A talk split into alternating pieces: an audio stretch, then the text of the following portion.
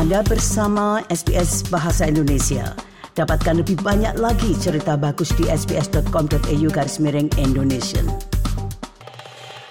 Saudara pendengar, ada tren yang meningkat terhadap produk pengganti daging di tengah kekhawatiran akan emisi gas rumah kaca yang dihasilkan dari produksi peternakan. Sebuah perusahaan bioteknologi di London kini berfokus pada pembuatan lemak hasil budidaya di sebuah laboratorium dengan harapan dapat membuat alternatif daging menjadi lebih enak.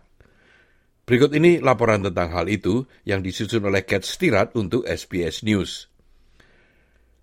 Ide untuk mencari daging yang lebih enak adalah untuk membujuk lebih banyak orang mengurangi konsumsi produk pertanian tradisional seperti daging sapi dan ayam, dan tampaknya trik ini adalah dengan memproduksi lemak berkelanjutan dari sel induk.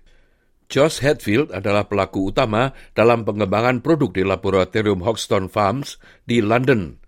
Sebagai seorang koki, ia ingin membuat produknya lebih menarik.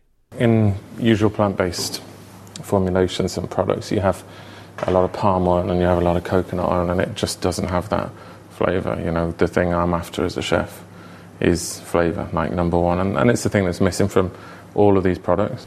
Menurut data Organisasi Pangan dan Pertanian Perserikatan Bangsa-Bangsa pada tahun 2022, 14,5 persen dari seluruh emisi gas rumah kaca disebabkan oleh peternakan. Hoxton Farms mengatakan lemak yang dibudidayakan lebih ramah lingkungan, menggunakan lebih sedikit lahan, energi, dan metode produksi yang tidak terlalu intensif.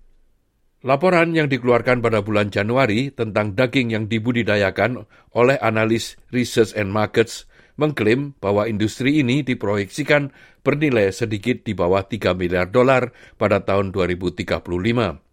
Namun mungkin terdapat kendala dalam mencapai angka ini, termasuk tingginya permintaan akan makanan nabati dan hambatan psikologis dalam mengkonsumsi makanan yang berasal dari laboratorium. Biaya yang diperlukan untuk memproduksi daging laboratorium juga tinggi. Namun laporan yang dihasilkan oleh analis global McKinsey Company pada tahun 2021 menemukan bahwa perusahaan telah mampu mengurangi biaya sebesar 99 persen sejak pengembangan prototipe pertama mereka. Ed Steele, salah satu pendiri dari Hoxton Farms, menjelaskan. Initially, the cost of things like cultivated meat and products containing cultivated fat might be higher than um, a, a, burger or a sausage that, that you buy in the supermarket. But over time, that will change. Um, what what we make is is made a really efficient way. Um, it has plenty of other benefits, but in terms of cost specifically, we'll manage to reduce the cost um, down to below the cost of eating traditional meat. Kini timbul pertanyaan bagaimana dengan jejak karbon industri ini.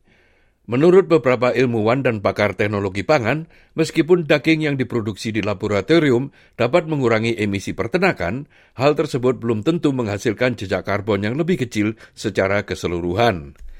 Sebuah penelitian yang belum ditinjau oleh rekan sejawat dari Universitas California Davis mengemukakan argumen ini. Laporan yang berjudulkan dampak lingkungan dari daging yang dibudidayakan Penilaian siklus hidup dari awal ke pintu mengatakan bahwa daging yang dibudidayakan kemungkinan besar mempunyai konsekuensi lingkungan yang lebih besar berdasarkan metode produksi yang ada saat ini. Hal ini menunjukkan bahwa salah satu kendala terbesar adalah media pertumbuhan yang sangat halus di mana sel-sel hewan itu ditumbuhkan. Salah satu penulis laporan tersebut, Dr. Ned Spang, menjelaskan.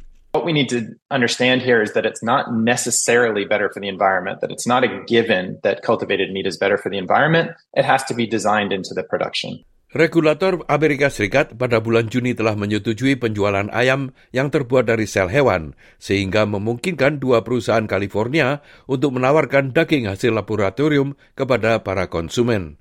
Namun, Italia sedang mempertimbangkan rancangan proposal yang dapat mengakibatkan larangan total terhadap apa yang disebut makanan sintetis itu. Nah, pendengar, itulah tadi sebuah rangkuman tentang daging buatan yang disusun oleh Katriona Stirat untuk SBS News dan disampaikan oleh Ricky Kusumo. Sukai, berbagi, komentar.